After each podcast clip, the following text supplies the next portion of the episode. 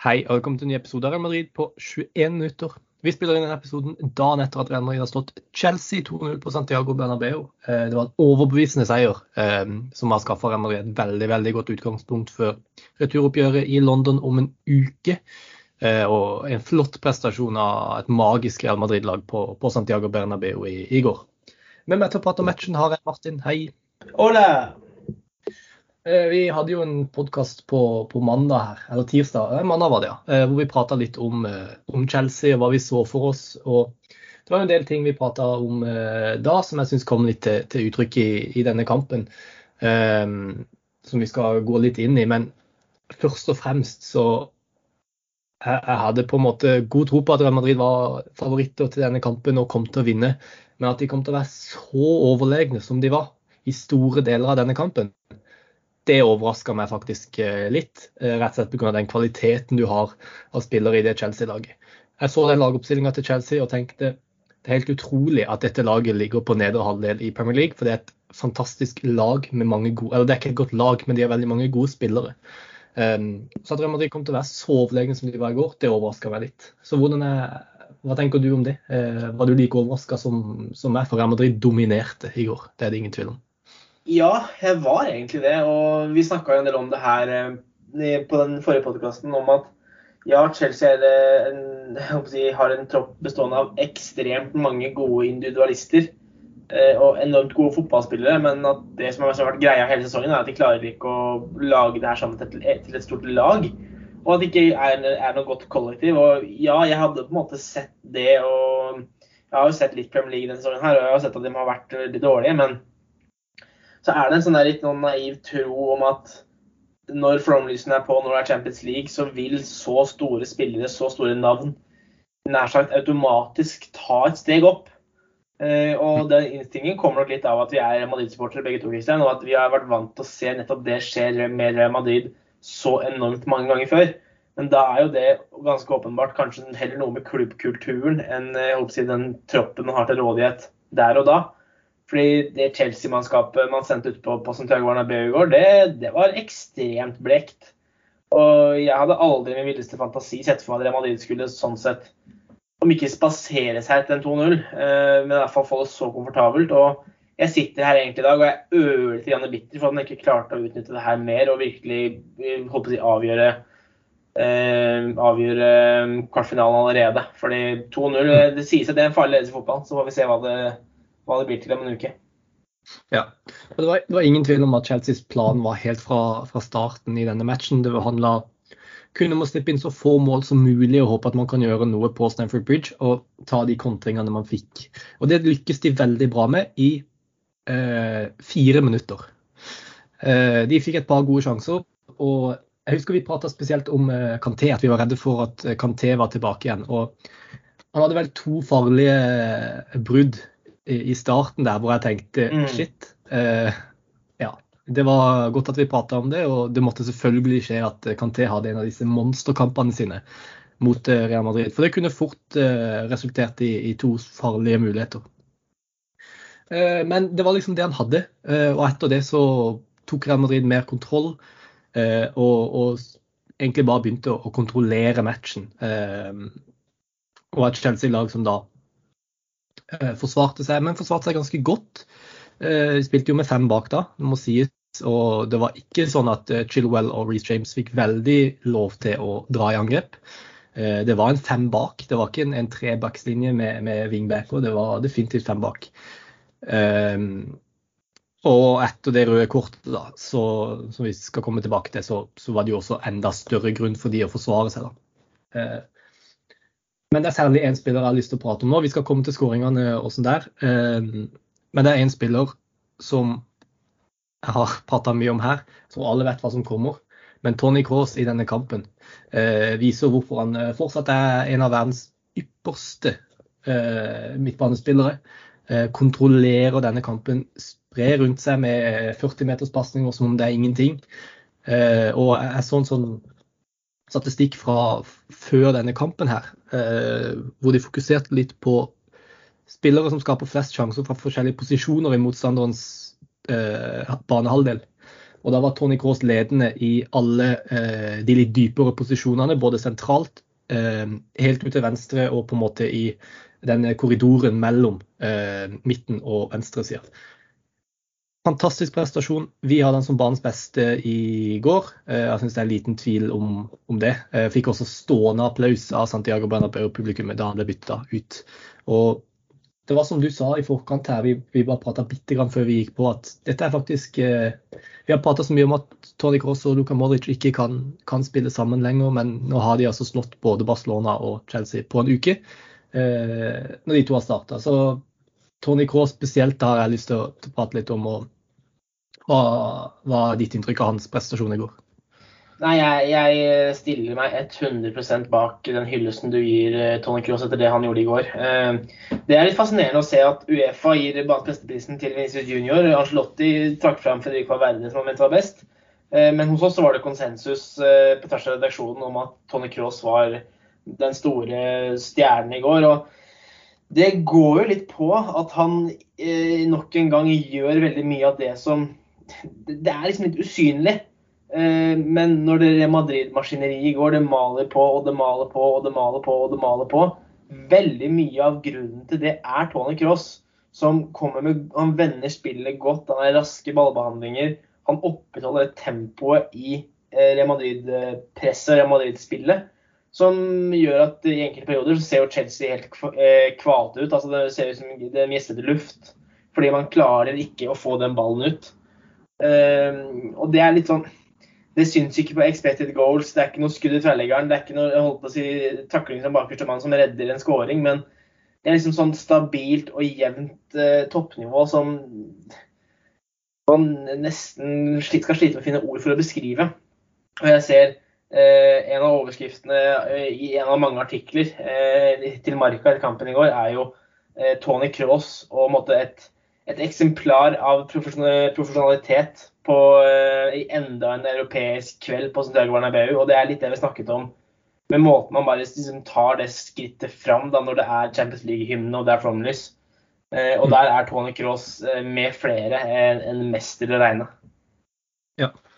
Uh, og det er også noe med, litt som vi har pratet om tidligere i sesongen også, at han har tatt noen steg i det defensive. og Det er helt utrolig at en spiller som faktisk er 33 år gammel, fortsatt kan utvikle seg. Men han har blitt ekstremt god til å takle og, og hindre kontringer før de blir farlige. og I, i går så hadde han fem vellykka taklinger. Ingen hadde flere taklinger enn Tony Cross i går. Uh, som vil si at Han fungerer veldig godt som det ankeret i kamper som dette, hvor man kontrollerer litt, har bedre har, har, mye ball og prøver å bryte ned et lag eh, som ligger dypt, så er Tony Cross helt fantastisk. Og Det er liksom sånn ypperlige kampklima for han, hvor han bare kan dominere og diktere hele kampen. Og ja, altså, Fem taklinger, ikke Kamavinga hadde så mange ganger. Hvis du ser på alle pasningsstatistikkene, altså, så er det kun Enzo Fernandes som er bedre enn han på det aller, aller meste. Eh, som for øvrig jeg syns er den eneste Chelsea-spilleren som kan, kan, gå derfra med, med hodet heva. Um, så en fantastisk prestasjon av Tony Cross. Og det er jo helt ubegripelig å, å tenke at han skal legge opp. For en spiller han er. Han er på sitt aller, aller beste nå. Og uh, det hadde vært synd om han hadde uh, lagt opp på slutten av dette her. Altså, han er i ferd med å levere en helt fantastisk sesong. Ja, vi har vært inne på det, og rundt hvorvidt han kanskje er i ferd med å levere sin aller beste sesong. Og jeg heller mer og mer mot at svaret på det ja. Um, og jeg også for å legge til at jeg føler meg veldig sikker på at han ikke legger opp etter denne sesongen her. Uh, han gjorde det veldig klart i intervjuer i vinter at uh, han ønsket en avklaring på det her holdt på å si før før kall det the business end av sesongen. Og den uh, var det så fin som han slått i seg. den begynte nå etter den siste landslagspausen. Så jeg er veldig sikker på at her er det en enighet internt på Valdebebas. Så, så frem til ikke skjer noe helt uforutsett, så signeres den forlengelsen nå rett etter sesongen, slik jeg ser det. Ja, vær så snill, la det skje. For Tony Kaas er en unik midtbanespiller. og uh, Det hadde vært synd å, å, å, se han dra i sommer, altså. Det hadde det. Men uh, en annen spiller som langt ifra har hatt sin beste sesong i Real Madrid-drakt i år, er Danny Carvahall. Men la oss ta den første skåringa, da. For den Altså, Snakk om Tony Cross. Det var en Tony Cross-pasning fra Carvahall Eh, med millimeterpresisjon eh, i bakrom til Venicius. hvor kom den fra? Altså, vi har ikke sett Carvahall slå et, jeg har ikke sett Carvahall slå ett presist innlegg denne sesongen. Og så drar han opp den der av hatten ut, helt ut av ingenting når Real trenger det som aller mest. Altså, For en vanvittig pasning. Og så er det jo eh, litt uflaks at eh, Venicius ikke setter den ballen i mål sjøl, eh, men også en god redning selvfølgelig da, av, av Kepa. Uh, og så er jo selvfølgelig Benzema der på slutten. Jeg var overbevist om at det var offside da jeg så det første gang, så jeg feira ja, ja. liksom ikke helt. Jeg var nesten helt sikker på at det var offside, men så ser man jo reprisene, og så er det, er det ingen tvil. Uh, Benzema er jo en meter eller to i, på, på, riktig side, så uh, Carvahall i går også, det, det, er rart dette her, altså. Nå sitter vi og prater, vi prater hele sesongen om at de trenger en ny høyreback. Nå er jeg fortsatt mener at man gjør. Og så går han utpå der i den matchen i går og spiller en, en bunnsolid kamp, uten tvil. En fantastisk kamp av Carvahall. En av Real Madrids eh, beste, spør du meg. Bidrar mer offensivt enn det vi er vant til å se fra han. og eh, Det er jo Ben, Chil ben Chilwell da, som egentlig var utfordrende hans på, på venstre kant, men det var ingenting fra, fra Chelseas venstre side. Carvahall har fire-fem sånne kamper som dette her i løpet av en sesong, eh, hvor han virkelig ser, ser klasse ut. Hva, vi, vi, kan ta skåringa også, men sånn vi må gi litt creds til, til Carvahall også på en dag som dette her, eller? Absolutt. Og det her blir jo på mange måter en føljetong nå gjennom hele episoden, kjenner jeg. Men Santiago Bernabeu, flomlys, Champions League-hymne. Altså, er det nok? Eh, jeg husker vi satt her, som, eh, vi satt her og måpte nærmest etter Champions League-finalen for snart et år siden. Hvor eh, det store spørsmålet før kampen var hvordan han skulle takle og skulle forsvare mot Luis Diaz. Og han leverte jo en høyrebekkprestasjon som nesten ikke hadde sett maken til. Rent defensivt Han hadde jo Luis Diaz i lomma gjennom hele kampen. Og det her er veldig Daniel Carvahall. Altså, han har nær sagt med rette vært sterkt kritisert nå i lang, lang, lang tid. Um, og vi skriker jo egentlig etter ny høyrebekk. Um, så kan man egentlig se på det så enkelt da, at vi satt her i januar og holdt på å rive av oss håret Christian, for man ikke valgte å satse på Joao Cancelo. Nå sitter Cancelo på benken på Etihad på, på tirsdag og ser Bayern München ta, bli rundspilt av Manchester City. Mens Dani Carvahall gjør jo en kjempekamp mot Chelsea. Og hvis all, all logikk slår til, så er det da Carvahall som spiller semifinale Champions League, og det skal ikke Joao Cancelo. Men mm. eh, nøkkelen er jo ikke la seg lure. Eh, ja. eh, hva skal man si, Form og klasse det er to ting, selvfølgelig, men alder trumfer på mange måter alt. Og vi har vært inne på det her over lang tid, at alderen er i ferd med å innhente Carvahall, men det er veldig godt å se at han fortsatt har, har det i seg da, på kamper som i går. Ja. Og det er veldig fint å se. altså Hvis han har fire-fem sånne kamper i løpet av en sesong, eh, hvor han er klasse, eh, og det er de store kampene, så er det helt supert. Men eh, vi trenger fortsatt en høyreback til å spille alle de andre kampene i løpet av en sesong. De 45 andre kampene uh, hvor Real Madrid trenger en solid høyreback også. Um, men i går er det ingen tvil om at han var han var iallfall ikke en, en svakhet de kan ha vært tidligere i sesongen. og Definitivt en, en positiv oppvisning av, av Carvahall. Og så må det jo sies da at han, han spilte ikke akkurat mot uh, Kylian Mbappé eller uh, en annen klasse venstrekant. Det var jo ingen venstrekant i dette Chelsea-laget. Så det er jo mm, også mm, er verdt å nevne. da. Det var ikke mye om det testa defensivt. Men Karin Benzema da, skårte 1-0. Eh, det er vel hans femte mål på tre kamper mot Chelsea. Han er, han er i form om dagen. Han er ja. vel den spilleren som har flest målpoeng i, i topp fem-ligaer etter, etter, altså i 2023. da. Mm. Han er, det er, som du sier, det er det samme med Carvahal, det er det samme med Tony Cross. The business end, da, da våkner Karin Benzema. Ja, han gjør det. Eh, og vi har jo snakka veldig mye om Benzema-sesongen her, og skader her og dårlig form der. Men som du sier, tallenes tale er klar. Altså, I 2023 er det ingen spiss som presterer bedre enn Karim Benzema. og eh, etter en skadeplaga høst, så er jo det alltids veldig godt å se. Eh, og igjen i går så syns jeg han egentlig gjør en veldig veldig god kamp. Han får ikke med seg noe sånne, Det er ikke noe nytt hat trick som det var mot Chelsea for et års tid siden, men eh, han skaper den tryggheten, han opprettholder balansen. Eh, bidrar til at Real kan holde, på ballen og eh, og noe vi egentlig snakker ganske lite om, er hvor hardt han ofte presser. Uh, som man også i dag i går så at stressa Chelsea veldig, veldig mye. Um, så får han med seg den skåringen. Han har et fantastisk samarbeid med Vinicius Junior. Uh, så nei, nok en klasse opptreden av Karim Benzema på en europeisk aften på Santiago Bernabeu. Mm, definitivt. En, en, nok en flott eh, prestasjon. Fem skudd, flest av alle på banen. Kanskje ikke overraskende, men allikevel eh, imponerende. Eh, og kunne jo kanskje hatt flere, til og med. Eh, det, det, er det ingen tvil om. Så kan vi jo ta det røde kortet der, for det er jo altså Der ser du litt fordelen med å ha en spiller som, som Rodrigo eh, på banen. fordi at han er så kjapp, han er så god til å ta de løpene i bakrom. Eh, veldig uforutsigbar når han har en litt sånn fri rolle som høyrekant slash tier. Eh, og det er jo å utnytte det at eh, Kokorea må inn og spille midtstopper, en posisjon han åpenbart ikke er komfortabel med.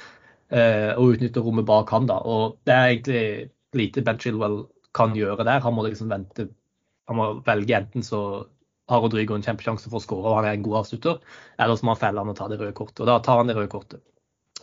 Um, Rodrigo i denne kampen her, hva syns du om hans, hans rolle? Fordi Grunnen til at jeg spør, er jo at Marco Ascencio kommer inn og skårer 2-0-skåringer etter hvert. Og jo et flott innhopp. Og vi har sett mange gode prestasjoner av Marco Ascencio den siste tida.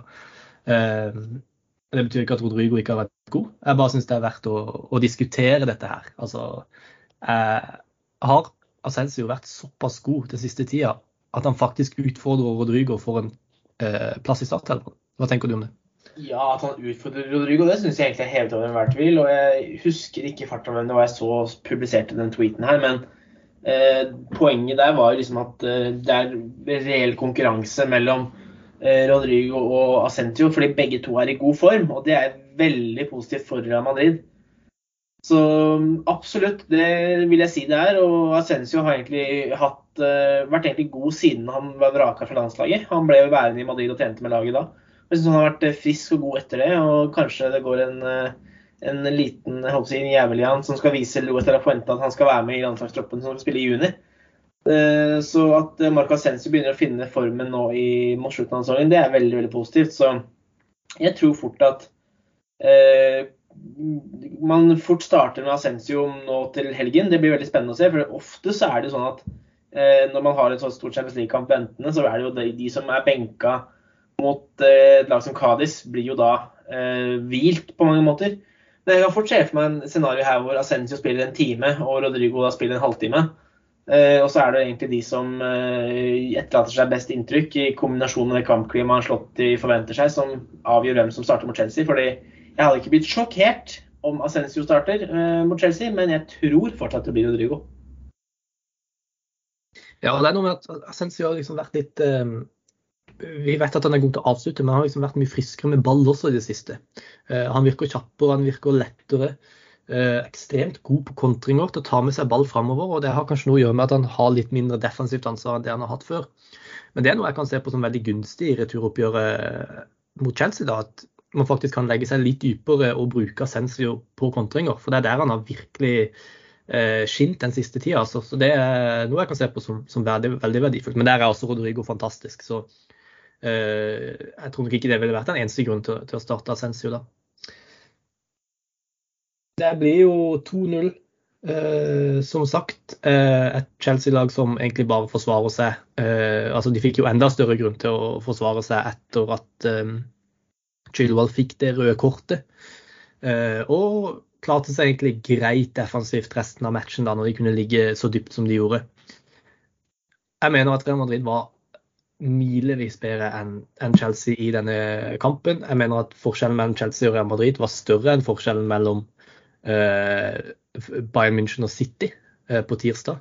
Uh, men det blir bare 2-0. Og det gjør jo at det er et lite håp for, for Chelsea. og det kunne fort vært 2-1 også, med mm. Rydiger som har en helt vanvittig blokk i sluttminuttene der. Hvor avgjort er dette her? For Det er egentlig litt det jeg sitter igjen med nå. fordi Eh, det ble bare 2-0, men det kunne blitt fem. Eh, og jeg tror at Real Madrid spilte såpass bra i går, de var såpass mye bedre enn Chelsea at jeg ser ikke noe vei tilbake. Men det er bare to mål. Chelsea har klassespillere i alle ledd. Og det skal ikke så mye til før det klikker litt eh, for disse spillerne. ikke sant? At det, det er noen kombinasjoner som sitter. Så hvor avgjort tror du dette her er liksom både med tanke på prestasjon, men også resultater som faktisk bare da, i hermetegn er 2-0? Jeg vil si det er 60-65% avgjort, hvis jeg måtte gi deg estimat på det. Uh, og det er egentlig å se så enkelt på det som at Real Madrid har akkurat samme differanse, fordel, som de hadde i fjor. Uh, og da tok de med seg da en tomålsledelse tilbake til Madrid og Santiago Bernabeu. Og vi husker veldig godt hvordan det i en periode der lå an. Nå skal man til London om en liten uke. Der vil Chelsea ha egne hjemmesupportere i ryggen. Uh, så skal det selvfølgelig sies at det Chelsea-laget her, det er veldig mye som mangler. Og det er mye av det psykiske. Så det ville overraska meg om de måte, har det i seg til å ha en ordentlig snuoperasjon. Men den kampen der så blir det første målet eksepsjonelt viktig. Og Chelsea vil måtte angripe. Og Carlo Angelotti har jo vært ærlig på at noe av det han, hans Real Madrid-lag liker egentlig best, det er jo lag som eh, er offensive, som tar sjanser, som, som angriper Real Madrid. Fordi det etterlater rom til Venicius Junior til Karim Benzema til Rodrigo, som jeg føler meg ganske sikker på kommer til å starte den kampen. Som så man kan kontre. Og jeg kan fint se for meg et scenario her hvor Chelsea skårer etter ti minutter, og det blir fullstendig kaos. Da har vi egentlig en reprise av fjorårets kamp. Med, håper jeg, så får vi se hva uh, avgjørelsen blir. Men jeg kan òg se for meg et scenario der Chelsea kaster alle, alle mann i angrep fra starten av for å sjokkere Madrid. Så har du egentlig litt som du hadde mot Barcelona, med en veldig god Courtois-redning. Bang, kontring, 0-1 Trener sammenlagt, og så smelter Chelsea sammen, så er det avgjort. Det kan jeg fort se for meg. Ja.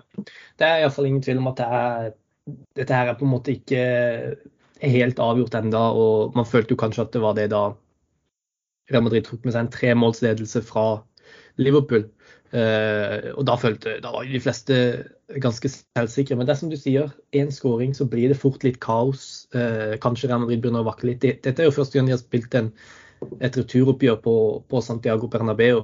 Altså, som, eller et returoppgjør da, som ikke er på Santiago Bernabeu uh, på de siste to sesongene. som jo også kan være noe som er verdt å, å ha i mente. At de har ikke Bernabeu-publikummet i ryggen i denne matchen. Og Stamford Bridge kan absolutt være et, et tøft stadion å, å, gå til. Så jeg syns ikke det er selvsagt på noen som helst måte at dette er, er, er avgjort. Um, spesielt med tanke på som sagt da, det, at Chelsea faktisk har veldig mange gode spillere. Har klassespillere i alle ledd. Uh, og det skal ikke så mye til før uh, f.eks. Joel Felix kan gjøre noe, noe magisk. da. Ja, det var kanskje det vi hadde tid til i dag. Vet ikke om det er noe mer du har lyst til å Jo, det er en ting jeg har lyst til å nevne. Og det er at eh, snakk om banens beste spiller. Det må jo være Carlo Angelotti, som tok noen fantastiske triksinger og viste sine gamle kunster med den ene hånda i lomma i dress. Altså, for en legende. Ja, det er eh, Carlo Angelotti things. Og man kan faktisk se det her på, med litt større perspektiv òg, at når liksom i en Champions League-kvartfinale, uh, og treneren din bare gjør det der, måtte beholde den roen uh, altså Frank Lampard kan fint trikse to-tre-fire ganger, han også. Men der, han er ikke i en sånn sinnsstemning til at det måtte passe seg. Men tenk deg bare den, den tryggheten, den, den, selvtilliten det utstråler til Madrid-spillerne. Det, det, tror jeg nesten man undervurderer litt. Det, det, er ganske heftig. Mm. Og det var gøy å se. Det stoppa liksom aldri. Han tok liksom to, tre, fire, og så ga han han til Jeg vet jeg husker ikke om det var et Real Madrid-innkast eller Chelsea-innkast, men eh, ja, det var, det var, gøy å se. Man glemmer liksom litt at Angelotti faktisk har spilt fotball også. Det tar jeg meg litt i noen ganger. Nei, takk for at du var med i dag, Martin. Det var supert, det. Og så håper vi på avansement allerede neste uke. da, og Kampen spilles på tirsdag, så det er ganske kjapt. Eh, kort tid eh, mellom de to kampene. Ja. Mm. Eh, og så så må man jo si at uh, det er jo et Manchester City som ligger og, og, lurer litt. Men jeg tror kanskje vi skal ta én kamp uh, av gangen. Og vi får nok av tid til å prate om, om Manchester City hvis Real Madrid skulle klare å, å, komme seg videre. Men uh, de ser skumle ut. Det, vi får jo si såpass mye. Ja. Takk til alle dere som hørte på. og til neste gang, à la Madrid.